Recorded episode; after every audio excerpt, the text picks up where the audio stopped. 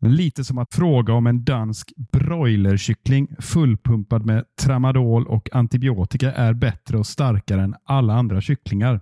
Ja, kanske. Men aset är ju för fan dopad.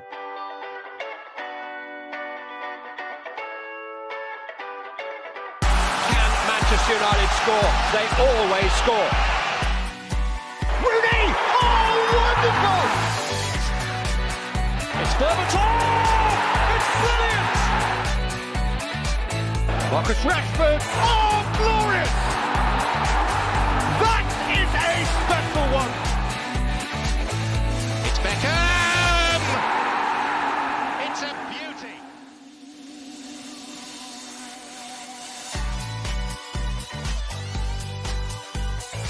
Ni är som alltid oerhört välkomna till ett nytt avsnitt av United-podden. Podcasten som du inte visste att du längtade efter.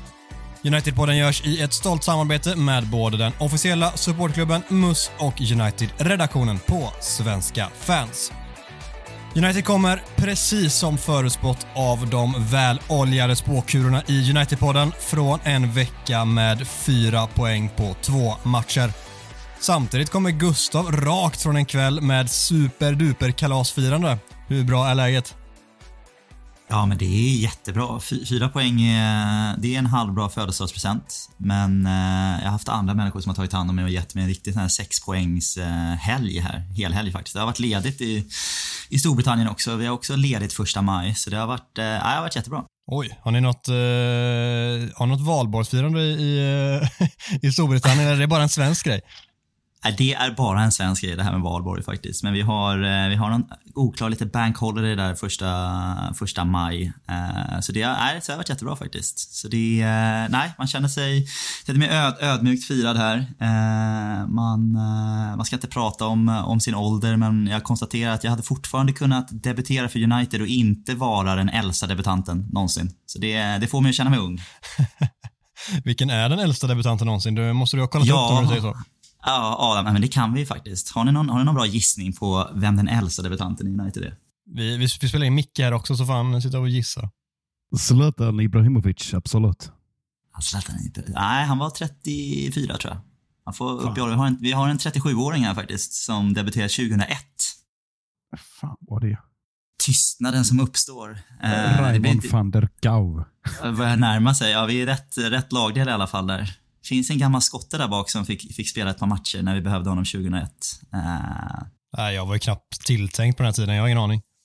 Den är tuff. Det är tuff. Det är fina Andy Guram, för er som Ja. eh, kan en bra highbrow-referens där. Gamla skotska målvakten Andy Guram som tragiskt, väldigt tragiskt, gick bort tror jag, förra, förra året i cancer. Ganska, ganska ung och plötsligt. Men, Stod han eh, i Glasgow Rangers eller vad, vad stod han för? han, stod, han, han stod i Gla- Glasgow Rangers, precis. Eh, och det är, jag måste faktiskt säga att det är nog, förutom trippellaget United 98-99, så är nog Glasgow Rangers det lag jag har eh, älskat mest. Alltså, alltså det är mitten av 90-talets eh, Glasgow Rangers med Guram, Paul Gascoigne, Brian Laudrup, Jocke Björklund, Andrei Kanchelskis. Senare tränare för vilket lag? rövargäng. Vilket lag var han tränare för? Andrei Kanchelskis? Var det de? Nabahar Ja. Nabagorien?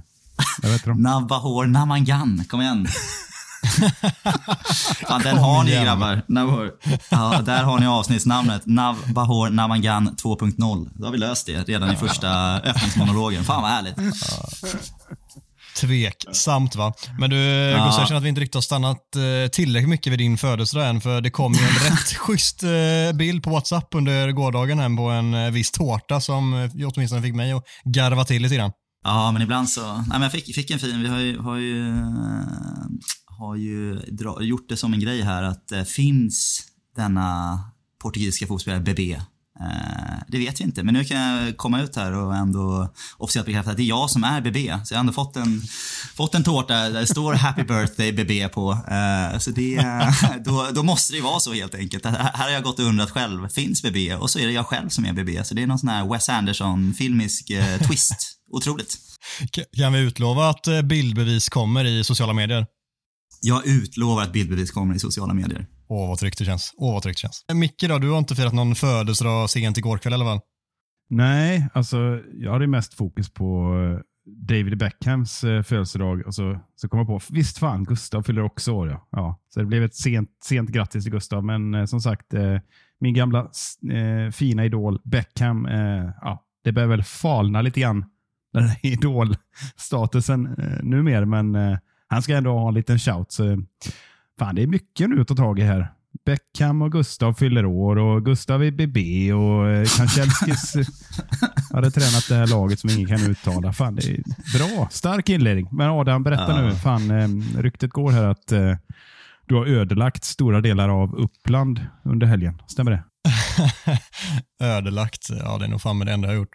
Nej men vi gjorde ju såklart en, eh, ett valborgsfirande. Jag som är så ung, till skillnad från er, vi, vi håller på med sånt. Och då eh, gör man det i Valborgs Mecka, Uppsala såklart. Och eh, hade 48 starka timmar beroende, alltså helt, vad ska man kalla det. Det bestod, eh, under de 48 timmarna så kanske 98% av intaget var alkohol och det ska man ju inte sitta och skrocka över. Men så var det, det fick vara en sån helg och det var jävligt roligt.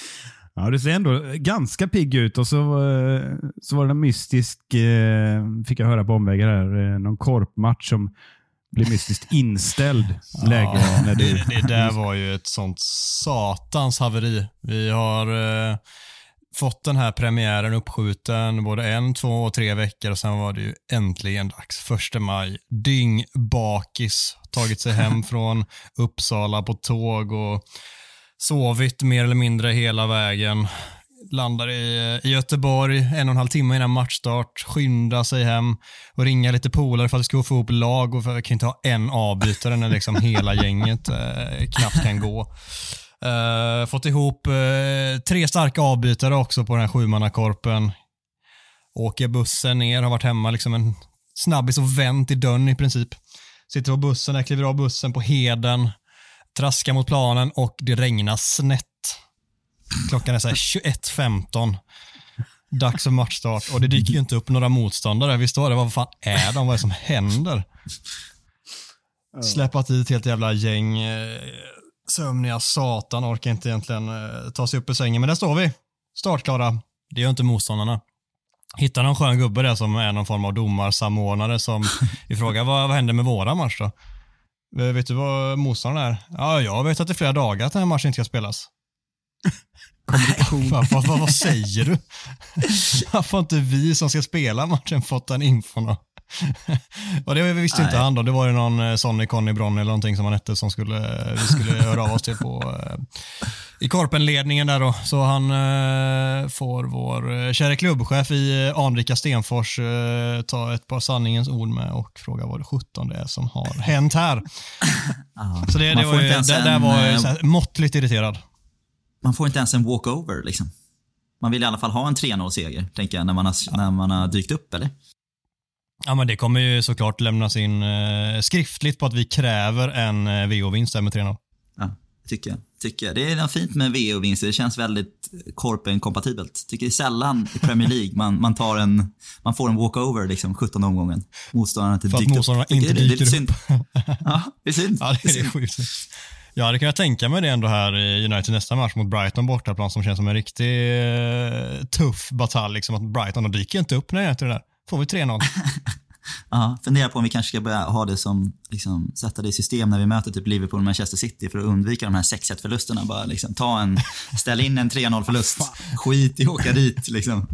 Däremot borde Frank Lampard välja det alternativet resterande Chelsea-matcher i år. Vi tar 0-3. Det stenade sitt liv. Alltså, ja. Jag tycker Frank Lampard ska göra en walkover på resten av sitt liv. Alltså. Dyk inte Jag upp. tycker han ska skriva livstidskontrakt med Chelsea om inte annat. Ja, otroligt alltså. Ja, där är man skadeglad. Det måste man, det måste man villigt medge. Ja, alltså. det får vi fan tillåta oss själva att eh, vara. Med det sagt så tycker jag att vi ska snacka lite fotboll.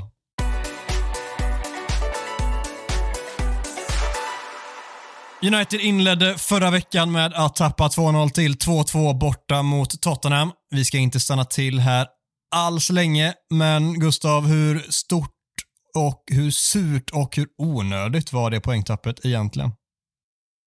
Eh, ja, men det är väl alltså onödigt framförallt för hur jäkla bra vi och dominerade vi var i första halvlek. Jag tyckte vi hade ju jättebra kontroll på den här matchen. Jag tycker ofta annars att det har varit att vi, vi inte får det där förlösande målet. Det här fick vi ju båda liksom. Så vi hade den där 2-0-ledningen som vi ska kunna spela av. Sen blir det en hel, hel matchförändring i andra halvlek och någonstans på något sätt blir det en rättvis, rätt, rättvis poängtapp sen. Sen är väl faktum att det är vi som har vi har ju matchbollen om, om Champions League-platsen före, före det här väldigt svaga Spurs ändå, så jag tror inte det här blir så stora... Det blir inte så stor påverkan på det här, men jag vet att jag, jag eh, kände väl att nu är det grejat när vi löser tre poäng här, så vi, kan, vi, kan vi ta det lugnt sen. Behöver vi inte stressa eh, här i vår. Men det, vi får väl vänta någon vecka till då. Så så farligt tycker jag inte att det är. Vi kliver vidare där och så ska vi prata om den matchen som spelades allra senast. Det var en ny lurig match mot ett Aston Villa som gått som tåget i Premier League. Då klev Bruno Fernandes fram och United kunde gneta till sig en viktig 1-0-seger. Och här har ju Micke givetvis stött och blött för att få ihop en hög intressant veckans bajs-Micke. Mm, såklart har jag gjort. Nej, men, men ähm, Jag måste bara nämna det att eh, hade Mackan varit med i det avsnittet så hade det varit 20 minuter snack här om Tottenham-haveriet. Eh, han var så upprörd så att... ja, ja, han var ja, ja. rabiat efter matchen. Måste, måste ändå nämnas, men, men eh, då har man inte sett Spurs i år, eh, för de ger ju typ alla lag handikapp och sen har de kraft att hämta i kapp mot vilket lag som helst i stort sett. Det såg vi även för dem mot Liverpool, så jag vill bara ha det sagt att eh, så Gustav säger, så jävla illa är det inte med eh, en pinne mot Spurs borta. Sen visst, vi ledde och hit och dit, men eh, går man över till sömlöst över till Aston Villa-matchen så eh, det liknar egentligen, eh, jag skulle säga egentligen alla Uniteds matcher i, som spelats under april månad framför allt. Men vi, vi tar och sätter en gräns från 07 matcher mot Liverpool. Så tycker jag att United i stort sett har inlett alla matcher, i alla fall i, i ligan, väldigt bra. Och eh, ja, men det, det, börjar bli ett mönster nu att vi, eh, den här diskussionen som har funnits tidigare, vad säger det, eh, om att United inte kan föra matcher, den måste vi plocka bort nu. För att det gör vi varje, varje match och så även den här matchen. Och då, då tycker jag det är några spelare som eh, leder det eh, och eh, någon eller några spelare som eh, inte är lika bra. Och Det var väl den uslaste övergången till veckans bajsmicke. Men... Vi, eh, vi, det. vi börjar med eh, änden, den som måste höja sig, tänkte jag. Eh, lite, lite lägligt. Och eh, Här får jag säkert mothugg, men eh, jag tycker väl att efter skadan här i lilla ljumsken så har inte Marcus Rashford stått att känna igen. Förvisso skyfflar han, in, skyfflar han eh, förbi Erik Dyer mot Tottenham och så, men annars har han gjort ganska slätstrukna matcher. Och Det gör han också mot Aston Villa tycker jag. Jag tycker han eh, i mångt och mycket inte bidrar särskilt mycket eh, som han brukar göra. Och Det är möjligt att jag har väldigt, väldigt höga förväntningar, men sett till hela lagets eh, prestation så tycker jag det är Rashford som eh, fortfarande har en hel del att bevisa i mina ögon. Ja, det känns, jag tycker det känns lite hårt, tycker jag. Eh, när man kommer tillbaka från lite skada. Jag tycker så, eh, så svag har han inte varit, men jag tycker det är väl någon sån här det är väl något fint att vi är så pass bra just nu att, det, att vi tycker att det är Rashford som ska höja sig. Eh, så jag tar, jag tar det som någon typ av styrke, styrkebesked för truppen i stort. Ja, nej, jag håller med. Jag tror också det, det är hårt. Sen, eh, nej, han är inte på den nivån som han var precis innan skadan, innan landslagsuppehållet. Där. Men jag tycker fortfarande han är, han är bra och nyttig och bidrar väldigt mycket med, med sin direkthet och snabbhet som ständigt är ett hot. Sen är det klart man önskar att han var lite, lite mer utslagsgivande nu att han lyckas eh, när han väl kommer till läget. För många gånger så tar han sig till läget men det lilla, lilla sista saknas. Att han, att han får loss det där igen. Men jag tycker fortfarande att han är eh, så pass bidragande i spelet att eh, jag inte vill vara så pass hård som dig mycket mot honom. Ja, jag tänker mest eh, man ska le leta fel här jämfört med resten av laget som jag tycker gör en, en, en bra, eh, stark insats. Så eh, nu har han fått spela nia några matcher här och ja, den eviga diskussionen om man trivs bäst där eller om man trivs bäst eh, på kanten. Alltså, det vet jag inte om vi någonsin går i mål med. Men jag tycker väl att han blir lite isolerad och sett till hans underliggande statistik så är det ingen superstark insats mot Aston Villa. Men för all del. En sak som jag vill bara flika in innan vi går vidare är att jag tycker att man ser ju en annan Radford såklart när han spelar nia, men jag imponeras eh, ändå mm, alltså mycket mycket av hans utveckling i det felvända spelet där han är så otroligt mycket bättre än vad han var för ett par år sedan när han spelade som nia, vilket jag tyckte var hans eh, kanske största brist när han spelade den rollen, att vi eh, förlorade för mycket boll på att sätta upp bollen på en felvänd Rashford som inte kunde hålla emot eller skarva rätt därifrån. Det tycker jag han löser mer eller mindre varje gång nu på ett eh, tillräckligt bra vis. Eh, men med det sagt så kommer han inte alltid, han kommer inte lika ofta rättvänd när han spelar nia och kan löpa mot en backlinje, vilket är hans kanske största styrka. Så han får ju en annan roll och kan inte få sättas i sina absolut bästa lägen lika frekvent när han spelar den rollen och det tycker jag blir eh, eh, ja, skadligt för hans, eh, hans höjd i matcherna. Nej, men jag, jag håller med. Jag tycker när vi, när vi är spelförande mot lågt försvar, försvarande lag så är, eh, är Rashford som nummer nio inte vart man får ut mest av honom. Utan han, han ska komma med lite fart. Men sen så är det ju ändå i grund och botten så är det väl lite så en, den matchen mot Aston Villa är. Att det ska vara ett ganska lågt stående Aston Villa och eh, målet som görs är ju ändå en, en Rashford-kontring och det där är ju liksom en löpning. Det, det den löpningen som han gör får vi ju garanterat inte från Weghorst, det vet vi. Och jag tror att vi får inte den från en Martial heller riktigt i det här läget. Eh, inte med den liksom kvaliteten att göra den vändningen, få upp den farten, ta sig den, till den situationen och ändå göra ett så pass bra avslut som gör att det blir retur. Så, så man, man får ju, man får ju ut någonting av honom, även, även sådana här matcher. Ja, vi, vi kommer till bra prestationer, men jag tycker liksom avslutet eh, var det märkligt. Bland de märkligaste sekvenser jag har sett när Rashford gör det bra där. Det var hans bästa aktion. Tar ett avslut från 200 mil och eh, bollen rullar i ultrarapid. Och ändå så ska Emiliano Martinez kasta sig och, en kvart för tidigt. Och, ja, det är bara tack och ta emot här på det målet. ja, det är konstigt. Det är konstigt. Ja. ja, om vi går vidare då. Vilka vill du dela ut eh, lite bättre betyg till? Nej, men jag tycker det, det är ganska svårt. För som jag nämnde så tycker jag det är många spelare som gör en bra insats. Men jag vill lyfta fram två spelare extra mycket här. Och Vi börjar med näst bäst. Då, så, så måste jag säga att eh, det är den här evinnerliga diskussionen om våra ytterbackar. Men eh, Diogo Dalot gör ju en kanonmatch tycker jag och framförallt eh, delar i spelet som jag inte riktigt har sett tidigare. Det lite längre passningsspelet. Eh, jag tror han har flest passningar in på offensiv tredjedel eh, utav alla.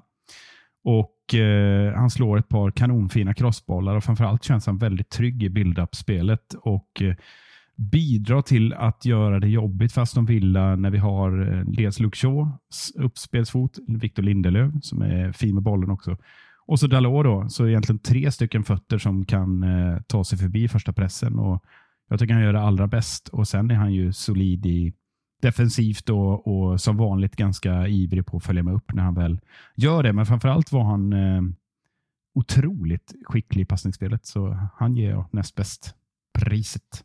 Mm, äh, jätte, jättebra. Kör ettan också så kan vi köra en liten bredare diskussion därefter. Mm. Ja, men efter några, ska vi säga, en liten formsvacka kunde man skönja på vår eh, eh, Brazilian Rolls Royce som vi har på mitten där. Men nu var han tillbaka i den, eh, ska jag säga, på den nivån som han egentligen alltid håller. Men eh, där han neutraliserar i stort sett hela Aston Villas mittfält som vi inför berömde en del. Eller jag gjorde i alla fall. Eh, jag tycker att Casemiro är eh, fantastisk igen i den här matchen. och eh, ser väl till eh, på sitt oefterhärmliga sätt att eh, dra ner tempot och alltid finnas där och skydda backlinjen som är relativt nykomponerad. Eh, och Samtidigt så är han ju ett offensivt hot också.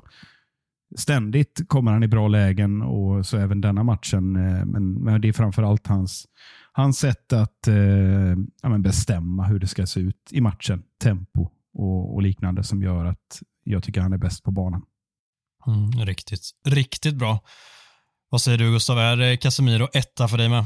Eh, ja, nej, men jag var faktiskt inte på att eh, Dalot skulle, skulle hyllas. Jag tyckte också att han gjorde en jätte, jättebra insats. Så jag tycker att det är lite hugget som stucket. Men eh, jag har väl diskuterat Casemiros vikt för det här laget tidigare och det, det går ju liksom ingen nöd på. Det är väldigt, väldigt tydligt hur stor, stor påverkan han har på den här truppen. Och jag tycker även när han jag tror att det var, om det var förra veckan eller veckan innan då vi diskuterade att han kanske inte såg jättebra ut. Så tycker jag att han, liksom, han tillför så jäkla mycket. Han, han, han förlöser så mycket i vårt spel att det är...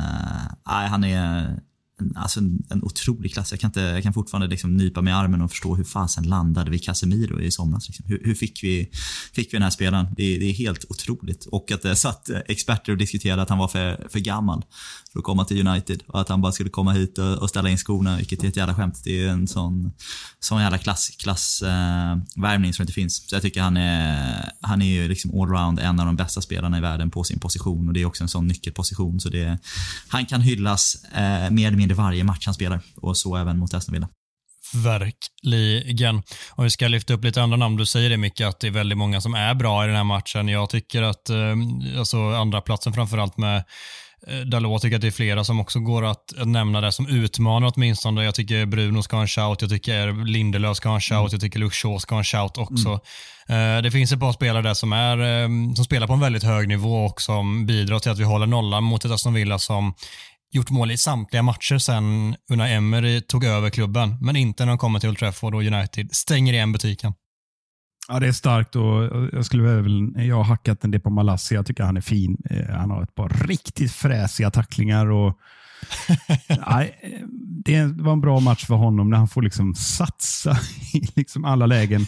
Och lite som att det är liksom, nu är det aldrig så fort det är en duell. Och man gillar ändå när det, går, när det går åt rätt håll för honom.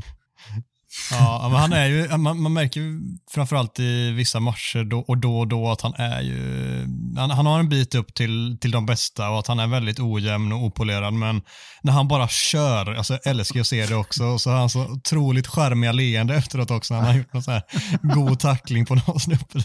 Det, han, är, han är så fin där. Det, jag tittar upp lite yrvaket efter att han har köttat ner Olly Watkins.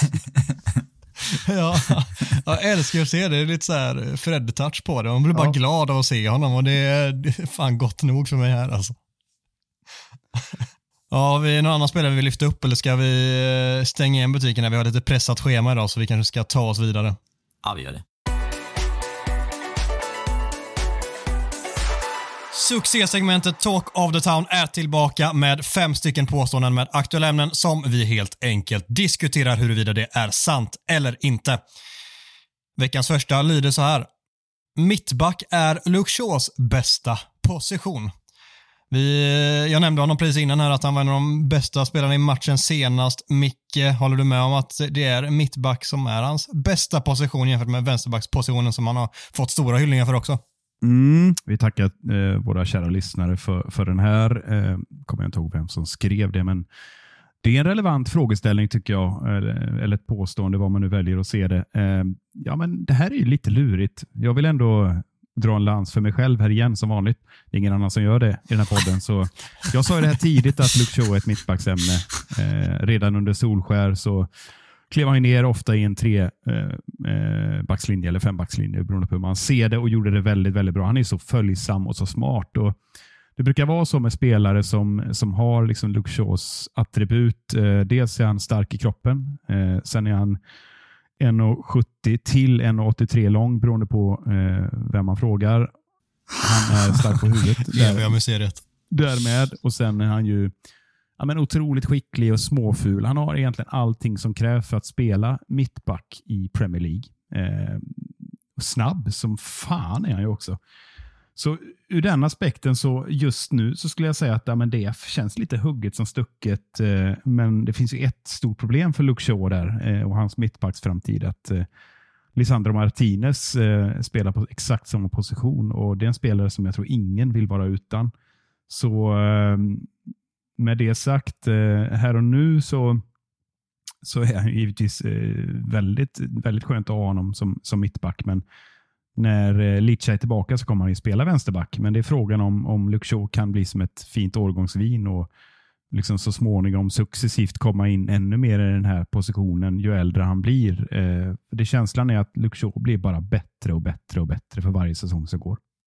Jag tycker verkligen som du säger ett fint årgångsvin är en, eh, en rättvis benämning för honom. Det, det är kanske ett uttryck som Aha. slängs med lite för ofta och lite klyschigt men Luke Shaws fall så blir han verkligen bara bättre och bättre och det, det handlar jättemycket om hans mogna tycker jag spelare för tidigare så framförallt så kan han vara ganska naiv i positionsspelet där han eller tappa fokus. Liksom. Han bara helt plötsligt så kan han ha gjort en jättebra match, men så bara glömmer han av att just jag ska försvara här. Eller jag, jag har en spelare i ryggen här, jag kan inte kliva in centralt. Då, liksom. Sådana smågrejer som får stor skillnad i slutändan har han bara slutat göra.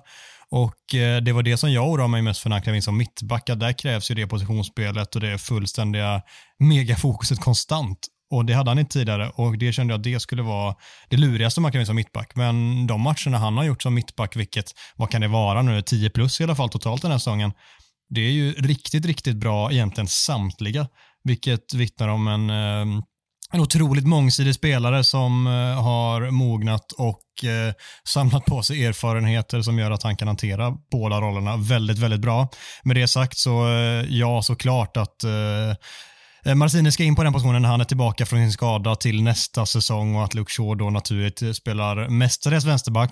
Men det känns ju otroligt tryggt att ha en Luke Shaw då som kan in och vikariera eller ibland vissa matcher eh, in och ta den platsen också om det passar mer. För hans snabbhet blir en jäkla nyckel i många matcher när vi står högt. att liksom som mot Tottenham så vet inte hur många lägen som han avvärjer mot till exempel en Son eller Richarlison för att vi står högt med hela laget. Lindelöf har inte den snabbheten, men Luke Shaw har den så han kan springa upp och täcka upp både för Lindelöf och för sig själv och för de av ytterbackarna.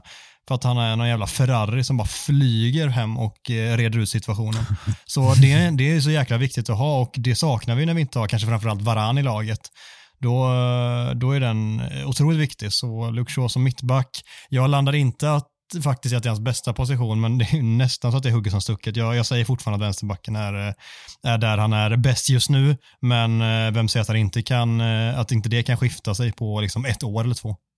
Nej, jag sitter och lyssnar bara. Jag håller, håller med nästintill allting ni säger här. Jag tycker bara det jag kan lägga till är väl observation här. Att det, det finns något ganska ironiskt i att vi har suttit här sedan, ja, i många år, men i alla fall sedan 2017 då, där vi har haft både Victor Lindelöf och Luke Shaw i truppen. Och så har vi frågat oss själva så här, varför har vi inte ett bra, välfungerande mittbackspar? När man har hållit på att jobba med Maguire och dessa och andra, andra konstellationer med Smalling och Jones och Bajy och allt vad det har varit. Och så har vi liksom, svaret har funnits där hela tiden. Vi har, vi har ju ett jättevälfungerande dynamiskt mittbackspar i, i Victor Lindelöf och Luke Shaw som har funnits där hela tiden de senaste sex åren.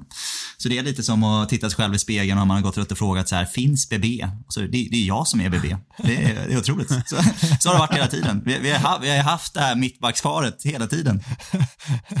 Värt att flika in där kanske att de inte har möjligen varit mogna som mittbackspar för en typ eh, liksom i år eller i närtid, kanske inte 2017 när det här aktualiserades som du nämner här. Äsch. Äsch, vilken tråkig, tråkig inställning. Ja, nej men så är det kanske lite. Det, men, jag, men jag håller med. Jag tror att det är din, dina slutord där Adam är lite mina, mina öppningsord annars. Att det, jag tycker att det är ganska hugget som stucket på kvaliteten. Jag skulle säga att det är Eftersom att han har en väldigt bra inläggsfot och en bra förmåga att komma runt på kanten så tycker jag att man saknar det. Om jag, om jag får välja så vill jag hellre ha honom på en vänsterkant jämfört med kvaliteten som finns i Malaysia i dagsläget.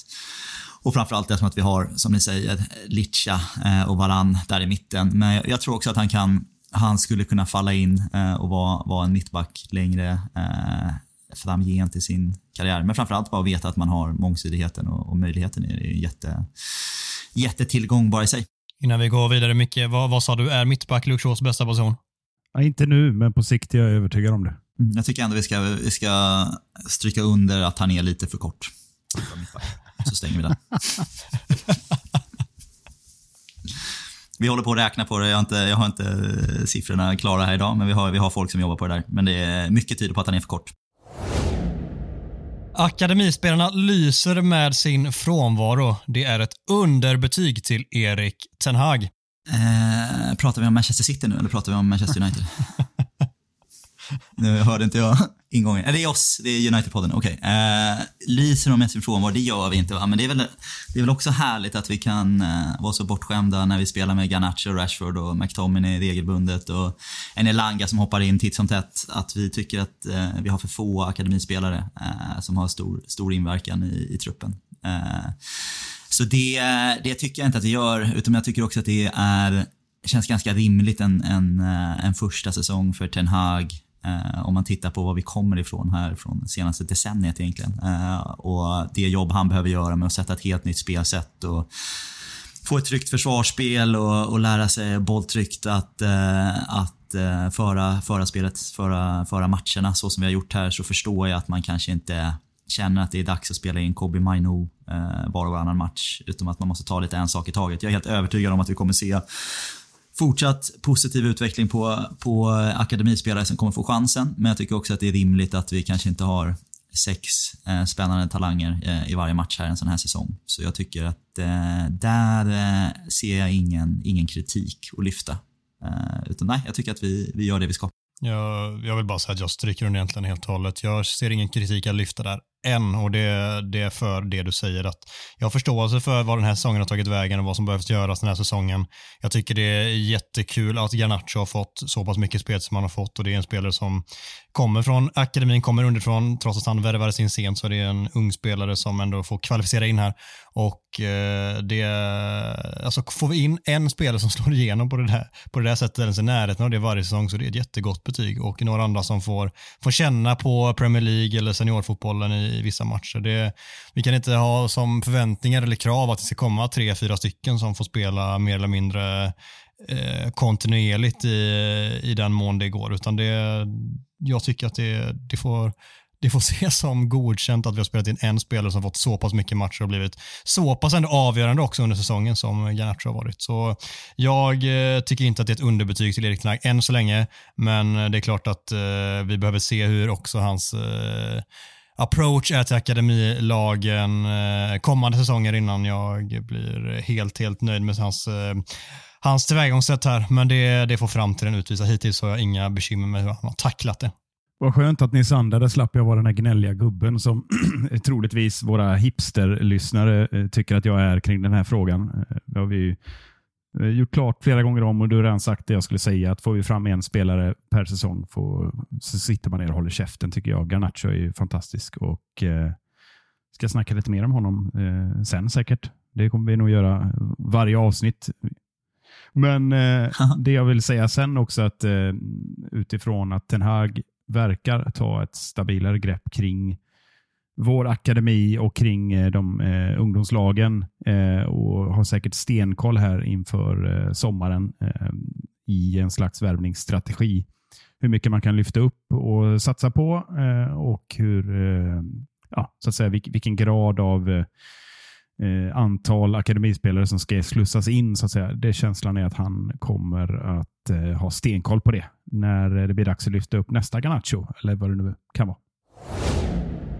Ja, Garnacho nämner du att vi skulle kanske prata lite mer om. Det ska vi göra nu. Nästa punkt lyder Alejandro Garnacho har, förutom Rashford, högst potential av alla offensiva spelare.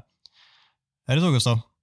Eh, jag tänkte jag skulle få bolla tillbaka. Jag tycker ofta att vi, vi börjar här. Jag skulle vilja höra dig Adam. Vad, har, vad tycker du på Garnacho? Jag har en högst potential. Uh, förutom Rashford. Nej, jag tycker det är... Jag kan, jag kan inte säga att jag tycker att han har det än. Jag tycker det är såklart en jättelovande spelare som eh, har hög potential. Men av det jag har sett samtidigt av eh, Sancho tidigare, samtidigt av framförallt Anthony, så tycker jag att det är lite för tidigt att säga att han är den som har högst potential av de tre. Så eh, jag tänker inte slå fast att han är den som har högst potential av Adam, även om jag är sjukt spänd på att se vart hans eh, karriär tar vägen. Ja, men jag, jag håller med 100%. Jag tycker att jag, jag kallar det lite mitt Adnan Januzaj-syndrom. Att jag har blivit, jag har blivit bränd förut en gång. Jag, har liksom, jag går i KBT-terapi för det där ända, ända sedan dess. Att jag, jag ska inte hålla på och håsa upp våra talanger för mycket innan jag har sett ett par säsonger av dem. Eh, så jag känner att jag, jag, jag vågar inte. Men jag tycker jag har, alltså jag, jag ser ju en, en, en stor potential att det skulle kunna bli en spelare som vi kommer få ut otroligt mycket av eller som, jag tror att vi diskuterade här lite i chatten, eller en spelare som går tillbaka till ett Real Madrid eller Barcelona för jättepengar en dag. Så jag tror att han har ju, uppsidepotentialen är, är potentiellt där, men jag tycker det, det är lite tidigt och jag håller med att Jadon Sancho börjar nästan, eh, börjar nästan skriva av alltså. Jag vet inte, den här säsongen känns inte, känns inte kul alls att, att heja på Sancho, men eh, Anthony eh, tycker jag finns mycket, mycket att se vad han kommer utvecklas i. Men eh, nej, det får bli något sånt där ja. Eh, det kan mycket väl bli så, men lite, lite för tidigt att, att spå det tror jag. Ja, vad fan vad vaga ni är. Då får jag kliva in med lite tydlighet här. nej, men eh, jag har gjort en liten lista här bland våra offensiva spelare. Eh, eller rättare sagt fem av dem väljer jag att ranka här eh, i... Eh, Först ut, Wout Weghorst. Ja, precis. Han är en offensiv talang. Nej, men potential är ordet vi tar ställning till här och eh, då får man nog kanske glömma lite vad Sancho gjorde i Dortmund och, och vad man hoppas han ska göra här och liknande. Så utifrån det, den aspekten så eh, topp fem här då, eh, störst potential. Rashford eh, tog vi bort här för att annars ska alla bara sitta och Ja, men han är väl bäst. Ja, det är klart han är det eh, fortfarande. Men eh, mest potential, nummer fem, Pelistri, eh, där ligger han och, och harvar. Eh, har väl inte riktigt fått chansen än. Eh, det finns potential i en spelare som spelade VM. Bara en sån sak. Eh, vi får se om han får plats i truppen ens, nästa år. För eh, plats nummer fyra, Ahmad, är jag helt säker på kommer att komma in nästa år och eh, få chansen. Och Jag tycker att eh, det är en liten annorlunda spelare som har mer eh, strängar på sin lyra än någon annan på den här listan. Men eh, som jag har sagt tidigare, fysiken kanske inte riktigt finns där för Premier League än. Men eh, han har ju varit och byggt på sig här nu i den här köttarligan. Eh, och det ska bli kul att se honom. På tredje plats, eh, Jadon Sancho börjar också sakta men säkert ge upp på. Det är ingen tvekan om att höjden finns. Den har vi alla sett och eh, vi ser den lite för sällan bara. Och Därför så är Anton, just, Anton är just nu nummer två, med den med mest potential i vår offensiv. Eh, har väl också eh, går åt motsatt håll mot Sancho kan man säga och går lite från klarhet till i alla fall halvklarhet. Och Det ska bli kul att se med en ytterligare en sommar i benen vad han kan prestera nästa år. Men Garnacho för mig är den största talangen, eh, störst potential eh, bland eh, våra offensiva spelare.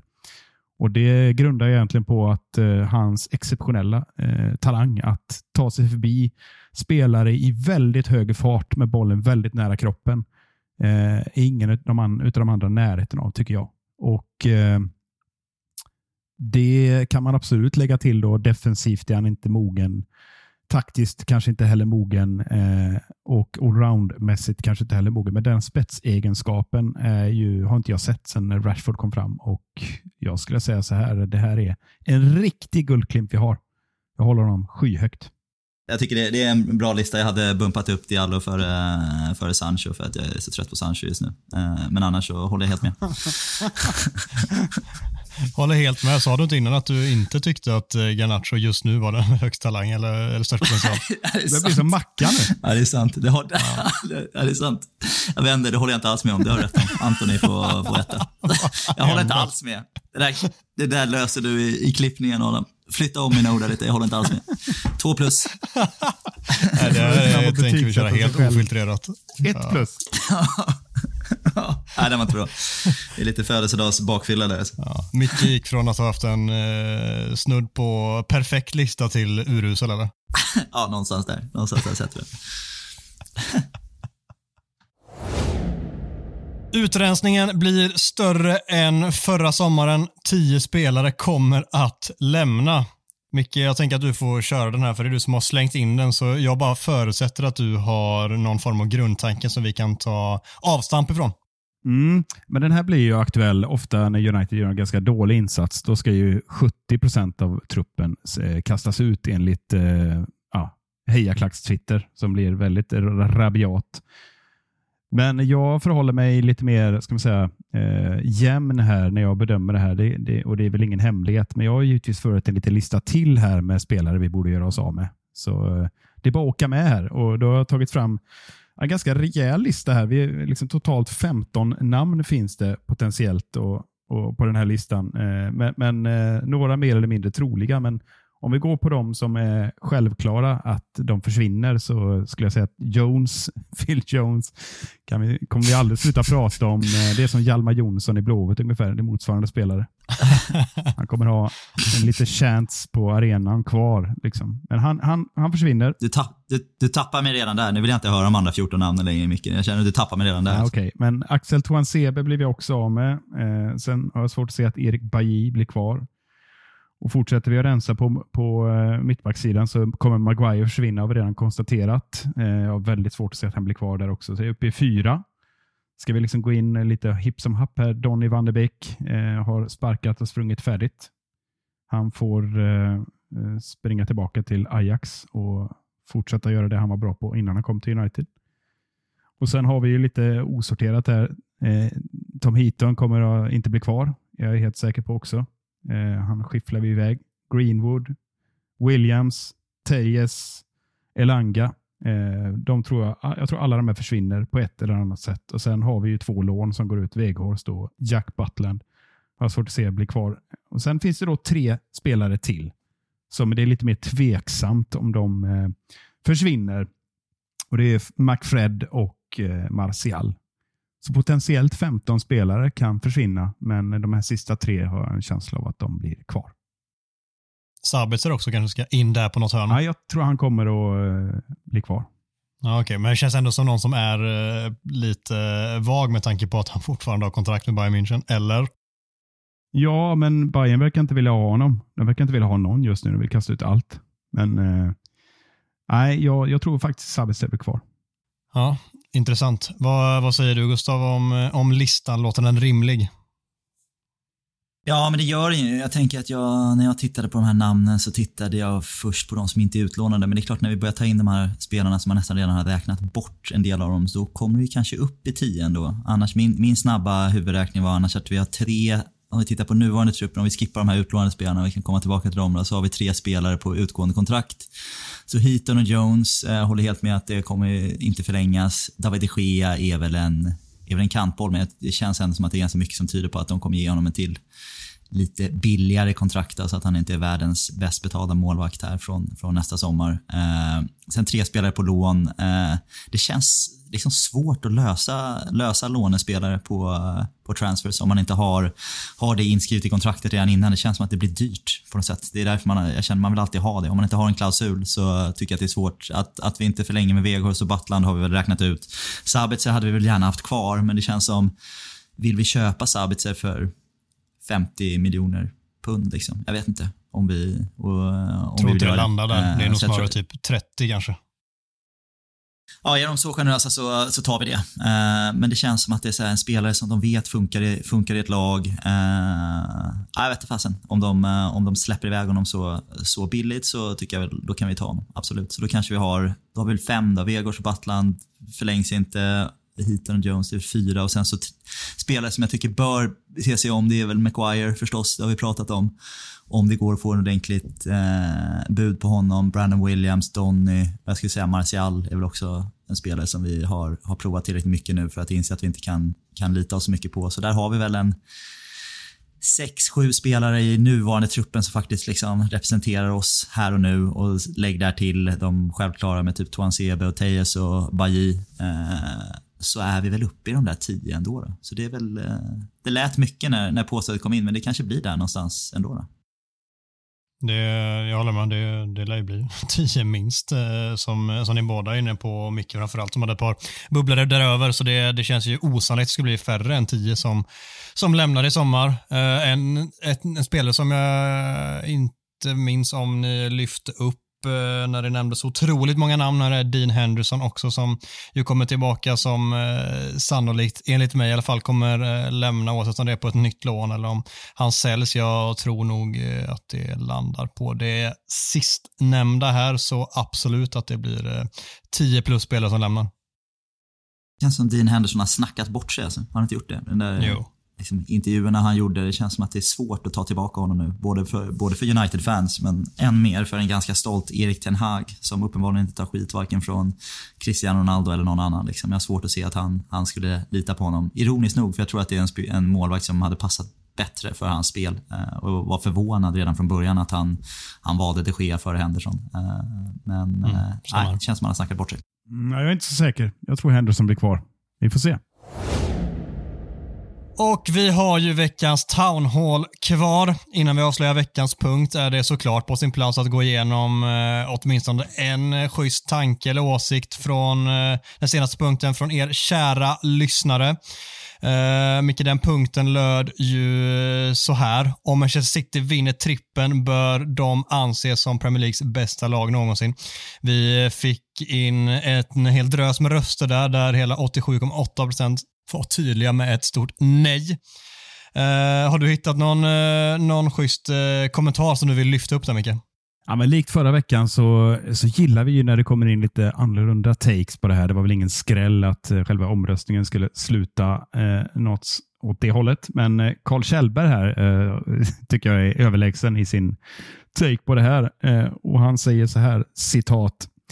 Lite som att eh, fråga om en dansk broilerkyckling fullpumpad med tramadol och antibiotika är bättre och starkare än alla andra kycklingar. Ja, kanske. Men aset är ju för fan dopad. Slut citat. Den tycker jag är sammanfattar åsikterna här rätt bra. Ja, jag vill veta mer om Karl. Jag känner att jag skulle vilja, vad, vem är han?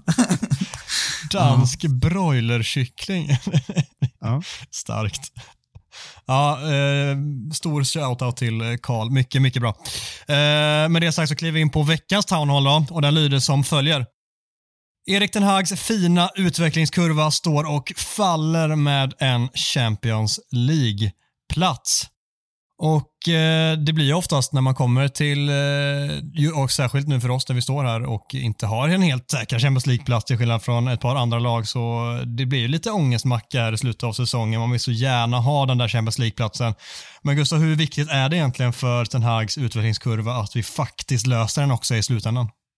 Nej, men i, i grund och botten viktigt för, för laget och för klubben uh, att vi är tillbaka i Champions League. Det har vi pratat om tidigare. Ekonomiskt, som jag kanske ofta får ta på mig hatten och att vi, vi måste regelbundet spela, spela Champions League för att finansiera den här truppen och det, det bygget som vi har. Med det sagt så tycker jag att Ibland måste man gå tillbaka och fråga sig själv vad man hade för rimliga målsättningar innan, innan den här säsongen. Och jag ska ärligt säga att jag, om jag tittar på vart vi var så kände inte jag att det måste bli Champions League-spel eh, efter den här säsongen. Det kändes så pass osäkert med, med en ny tränare, nytt bygge. Eh, så jag tycker att det är ju, att vi är där vi är just nu med också ganska god marginal ner till en fjärde plats och under en period här också var uppe och högg lite, lite högre upp i ligan. Eh, känns som att det är över förväntan. Eh, så jag tycker att det vore, det vore hårt att, att, eh, att säga att det på något sätt göra allting ogjort. För det, det är en fin säsong, men det är klart just nu så handlar det om att vi typ måste ha fyra förluster på fem matcher här troligtvis för att vi ska tappa den här Champions League-platsen. Uh, så det hade ju gjort ett, uh, hade gett lite dålig smak i munnen på, på den här säsongen om vi skulle ha en sån total kollaps här och förlora en eh, uh, fa Cup-final med 5-0 också. Det är klart, då kanske man inte tittar på den här säsongen som en jävla, jävla kanonsäsong. Men i, i sak så tycker jag inte att eh, bara för att vi spelar Champions League, eller om vi skulle missa Champions League, att det hade varit katastrof för hans utveckling. Vi har redan sett spelmässigt otroliga kliv, kliv framåt och eh, prestationsmässigt. Så eh, det blir väl ett, ett, nej på det. Men, eh, men jag vill gärna spela Champions League nästa år. Det vill jag ändå flika in. Ja, Viktigt. Jag gillar att du ändå tar det lite historiska greppet. Jag, samma där, jag tippar United femma inför den här säsongen, men då i vågskålen låg att eh, eh, Liverpool, eh, Tottenham och Chelsea inte skulle vara total katastrof. Nu är ju Liverpool på väg tillbaka och sen att Newcastle oväntat har gjort en strålande säsong eh, gör väl ändå att eh, givet vad jag trodde eh, och där vi står nu så är jag också som dig Gustav otroligt eh, positivt överraskad att vi liksom har en titel och landat en final och eh, så vad det ser ut nu då har allt i egna händer såklart. Eh, men jag skulle ändå säga och spetsa till det. Jag tror det här är ska vara ett enormt hårt slag om United missade Champions League. Och Det säger jag inte bara för att eh, vi kan locka till oss en, två toppspelare till, utan snarare momentum och känslan i, hos fans och klubb eh, och liksom för Erik Ten Hags liksom, vidkommande att, att landa en topp fyra här och i lugn och ro fortsätta det här bygget med en liten överprestation i hatten. Det, det är en stor skillnad mot att, eh, ja, men låt säga att vi tappar eh, topp fyra här nu och ja, som du säger Adam, skräckscenario, torska 0-5 eller så här. Jättehemskt mot City och säga att ja, det gick inte, vi, vi är inte på den nivån och så vidare. Då känns uppförsbacken oerhört lång. Så jag skulle säga att kritiskt är väl att ta i, men jag skulle säga att det är otroligt viktigt att vi landar den här. Så jag säger ja på det här påståendet. Ja, alltså jag tror inte heller att vi står och faller på det med tanke på vad vi har sett under den här säsongen utan en Champions League, vad vi har kunnat eh, åstadkomma, vilken utveckling vi sett på laget. Men det är klart som sjutton att det hade varit jätte, jätteviktigt och gett en otrolig boost eh, framöver och i den fortsatta utvecklingen att, att få den här Champions League-platsen. Det är också ett kvitto på vad, vad klubben är på väg, vad laget är på väg eh, vad Erik Ten Hag är på väg och eh, det är klart som sjutton att det vore eh, jävla käftsmäll att få den eh, liksom här i slutet av säsongen efter en i mångt och mycket fin säsong med såklart en hel del ups and downs. Hade vi bara kuttat säsongen här och nu så hade vi varit nöjda med säsongen ändå. Men eh, det är några matcher kvar och de kan ju såklart eh, sätta stor prägel på känslan i efterhand. Med det sagt så vill jag absolut inte säga att vi står och faller med det, men eh, en eh, käftsmäll utan dess like som hade varit eh, sån jävla smolk i bägaren också. Det, det är som, eh, som ni båda varit inne på, att det hade eh, förutsättningarna till att bygga vidare blir så mycket mer komplicerade och inte lika straightforward, vilket gör att man får eh, börja gräva efter kreativa finurliga lösningar. Det hade säkert den här löst eh, helt okej, okay, men Samtidigt känner man också att de här lagen som i år inte har gått lika bra, de kommer ju, ja, bortsett från Chelsea då, som såklart är ett, en klubb helt totalt fritt fall, så åtminstone Liverpool och kanske även Tottenham beroende på vad de gör i sommar, så är det klubbar som rimligen bör vara bättre nästa säsong också. Då måste vi också bli det och då ger vi oss betydligt bättre förutsättningar, säger sig självt, med en Champions League-plats än om vi skulle vara utan en.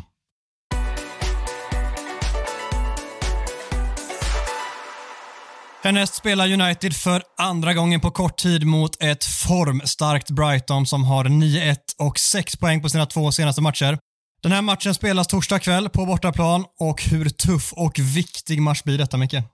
Ja, men det är ju tufft och viktigt eh, och Brighton blir man inte riktigt klok på. Man tyckte man kunde skönja en, en viss liksom formsvacka eh, och förlusten eh, så att säga mot United var ju ja, lite överraskande för de kändes starka där, men nu verkar man studsa tillbaka och fått in någon eh, Undjev eller vad han heter, någon, någon ny eh, spelare som de har hittat under en sten någonstans i norra eh, Azerbajdzjan som är otroligt bra plötsligt och de pulveriserar allting igen. Så att, nej, jag, jag tror det här blir svintuff match och det såg vi om inte minst senast att eh, det här är ett lag som ingen eh, bara kan säga att man vinner lätt. Så att, nej, det här är, det är tufft.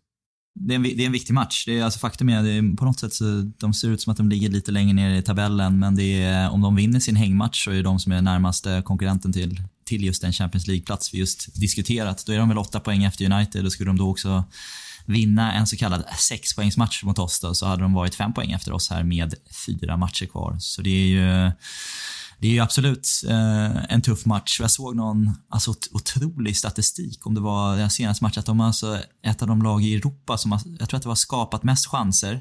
Om det var bland de högsta expected goals, om det var flest skott på mål eller någonting också. Det var någon lista där det var liksom ja, Real Madrid 1, Brighton 2, Bayern München 3, Manchester City 4. Eh, och det var typ tre, tre olika offensiva grejer som de var etta, två eller trea och det var precis de fyra lagen som jag just nämnde här som liksom turades om och ligga i topp på ja, skapade, skapade chanser och expected goals etc. Så det är ju ja, det är otrolig jävla säsong de gör Brighton.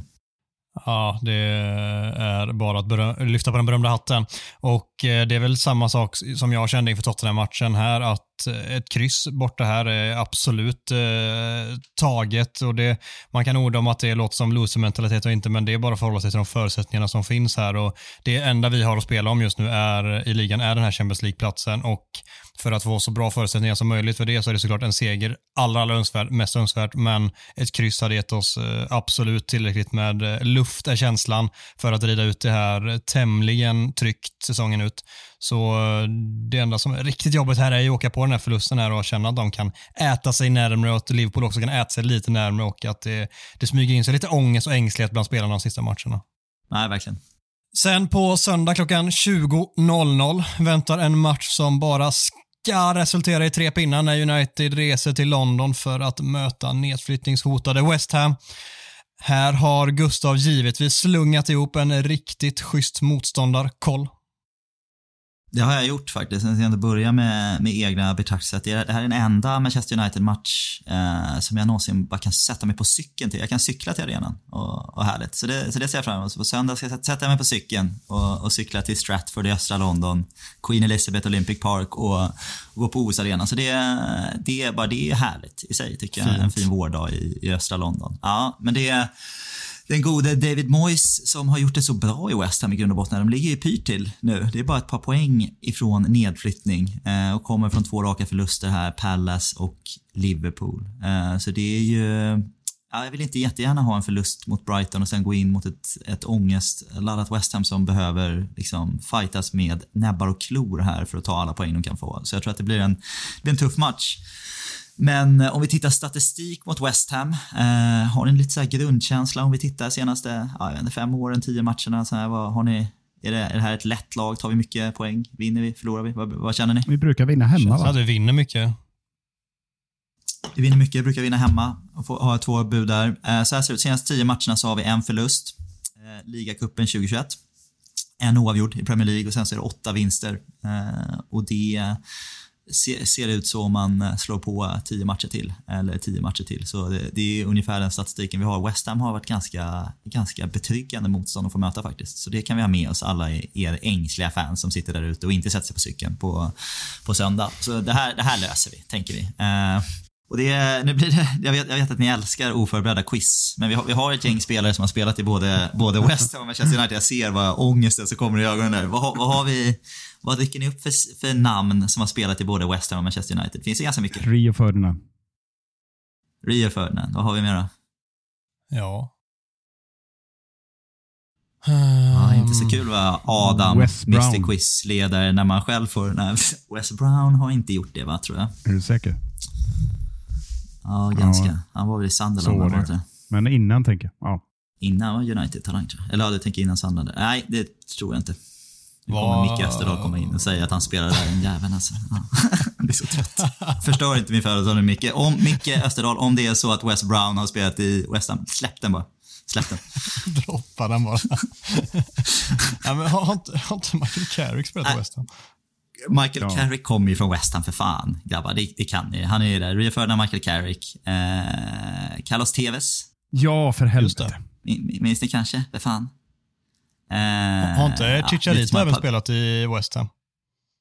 Chicharito har väl även spelat i West Ham, precis. Så är det till den. kan- Patrice Evra var även där och vände. Eh, om man får gå tillbaka lite längre, Paul Ince, den tänker jag att den eh, vet knappt Adam ens vem det är. Så den, eh, den, den, den, den kommer undan med att inte få ha. Men däremot faktiskt, det finns, det finns ju så, eh, det finns en spelare här som knyter an eh, några av mina favoritlag, min familjs favoritlag. Det är så att min, eh, min pappa är ju en, faktiskt en West Ham-fan. Han, han hejar väl på Manchester United lite by associa- association av mig, men han var och kollade på West Ham i sina ungdomsdagar och, och gillar ju dem. Och sen så har vi ett gemensamt lag i Stockholm också. Det finns faktiskt en spelare som har spelat i både Manchester United och i Stockholm och i West Ham. Vem, vem kan det vara? Vad fan var Blomqvist i West Ham? Nej.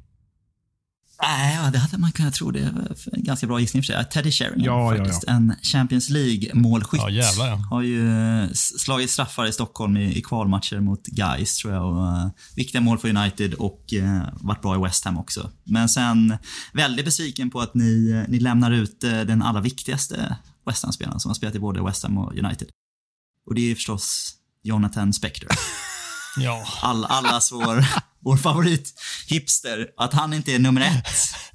Liksom, det, det får mig att känna att jag känner att jag kastar pärlor åt svin när jag kommer med så här bra statistik genom alla de här avsnitten. Att ni inte kommer ihåg sådana här saker. Det är tråkigt. ja det är för dåligt. Spektor och du ska gå, Det är för ni dåligt. ska gå på matchen tillsammans. Han sitter på pakethållaren på söndag, eller? Det är en sån jävla vacker bild. Han sitter där och dricker någon eh, sån här ofiltrerad IPA. När, vi, när vi cyklar tillsammans mot, eh, från solnedgången på östra London. Ja, ah, fy fan alltså. Där, Jag där mår man bra. ser, där mår man ser bra. han krama din midja bakifrån samtidigt. Så jävla mysigt har ni. Titanic Från slängde i väggen. Liksom. Det, det... ja, den här dörren får vi plats på båda två alltså. Ja, så är det. eh, ja, sa- ja, precis. Ja, men det var väl, eh, ni får inte godkänt någon av er där tror jag. Det var, det var Tackar, svagt. tackar. Men eh, om vi tittar på, på, på nuvarande West Ham då. Spelar sån här klassisk 4-2-3-1 där Declan Rice ska vara den viktiga holding midfielder förstås. Eh, några matcher till. Eh, får vi se vart han hamnar nästa år då. Sen så är det väl Jared Bowen och Said Benrama som ska göra sina poäng från kanterna. Antonio som ska göra målen eller ska matcha kanske gamla Sassuolo-anfallaren om, det ska, eh, om det ska bytas in någonting. Men det är väl det, är det här West Ham vi har vant oss vid nu. Så det är väl de spelarna man ska hålla ett litet öga på. Eller vad, vad känner ni? Vad är ni oroliga för? I West Ham-leden här. Nej, men det, det är ju Gerard Bowen, tycker jag, som är... Eh, hade han spelat i ett bättre lag så hade han gjort eh, sina 25 poäng. Liksom. Det, det är en otroligt jobbig spelare som, som man inte blir av med på något sätt. Han, han ger 100% hela matcherna. Och får han med sig Antonio så, och Declan Rice och en spelare som varit jättesvag, Thomas Zuzek, tycker jag har gjort en eh, dålig säsong. Eh, får de igång dem, ja, men då är de... Det är samma sak som Brighton. Det går, det går inte bara att räkna ut dem. Och, ja, jag, jag är orolig inför den matchen också. Det, det känns som en ganska avgörande vecka här eh, för oss. Ja, kan man slå fast här att Jared Bowen är den omvända Wout Weghorst? Att eh, han, eh, om han hade spelat i ett sämre lag hade han gjort 25 poäng. Medan om Jared Bowen hade spelat i ett bättre lag hade han gjort 25 poäng. De kanske bara ska göra ett rakt byte de två. Ja, alltså. Ja, fan kanske. Kanske. Nej, men jag, jag håller med dig mycket. Det känns som en avgörande vecka. Samtidigt så känner jag att, eh, det får jag väl äta upp som fan, men att enda som kan fälla krokben för oss mot West Ham, liksom, det är oss själva. Att vi inte kommer upp i nivå, att vi bjuder in eh, West Ham genom att ge dem lillfingret, att de får sätta lite press på oss, att vi får ett skitmål emot oss och får med sig publiken där, att det blir liksom en jobbig tillställning på det sättet. Men kommer bara United upp i eh, en hygglig nivå så ska det här vara en match som vi efter att ha ridit ut den första kanske stormen, första anstormningen första tio minuter kvarten så ska vi ha rätt bra kontroll på den här matchen och vinna tämligen bekvämt. Men eh, då ska vi inte heller sätta, alltså, sätta det jävla krokbenet på oss själva som vi, vi har en tendens att kunna göra, åtminstone historiskt. Vi ska avsluta med en snabb tippning. Micke, vad blir det de här två matcherna? Brighton borta, West Ham borta? Ja, suck. Eh, Kommer vi undan med fyra poäng igen den här veckan så gör vi det riktigt bra och då säger jag att vi kryssar mot Brighton. Där blir det 2-2 och eh, mot West Ham så eh, vinner vi krampaktigt men ändå klart 2-0. Och Gustav? Ja, men jag tror också att det kan bli, bli kryss mot Brighton här, men jag tror att vi äntligen gör en cynisk eh, Sir Alex Ferguson bortamatch och eh, bara tar, eh, dödar den här matchen till ett 0-0 mot Brighton. Får med oss poängen därifrån och med lite självförtroende från att vi har sett att vi nu kan spela på det sättet så bara släpper vi alla, alla spärrar och slår West Ham med 3-1 här med ganska, ganska komfortabelt på söndag. Och så cyklar jag hem leende på läpparna. Med Jonathan ja, Spector. På söndag eftermiddag. Jonathan Spector på pakethållaren, precis. Några promille rikare. Jag eh, tippar också att det blir en fyrpoängs eh, vecka detta med en 1-1 borta mot Brighton där vi kvitterar sent, sent i matchen. Sån där eh, skön, eh, skön kvitteringsmål som nästan känns som en seger där då. Och sen eh, får vi en liten ketchup-effekt mot West Ham och slår dem med 4-0 på bortaplan där Rashford gör två mål och Garnacho är tillbaka, gör ett mål och jag tror Antoni gör det fjärde. Så har vi facit i hamn. Härligt va? ja, fint. Den tar vi. Taget. Fan vad gött. Något som övrigt är taget är att vi får klappa ihop den här butiken nu för nu måste vi samtliga röra på oss. Tack snälla för att ni var med Micke och eh, Gustav men framförallt största tacket självklart till våra kära lyssnare som är med oss i Ur och Skur. Fortsätt skicka in schyssta ämnesförslag och följ oss jättegärna på sociala medier så missar ni absolut ingenting. Ta hand om er.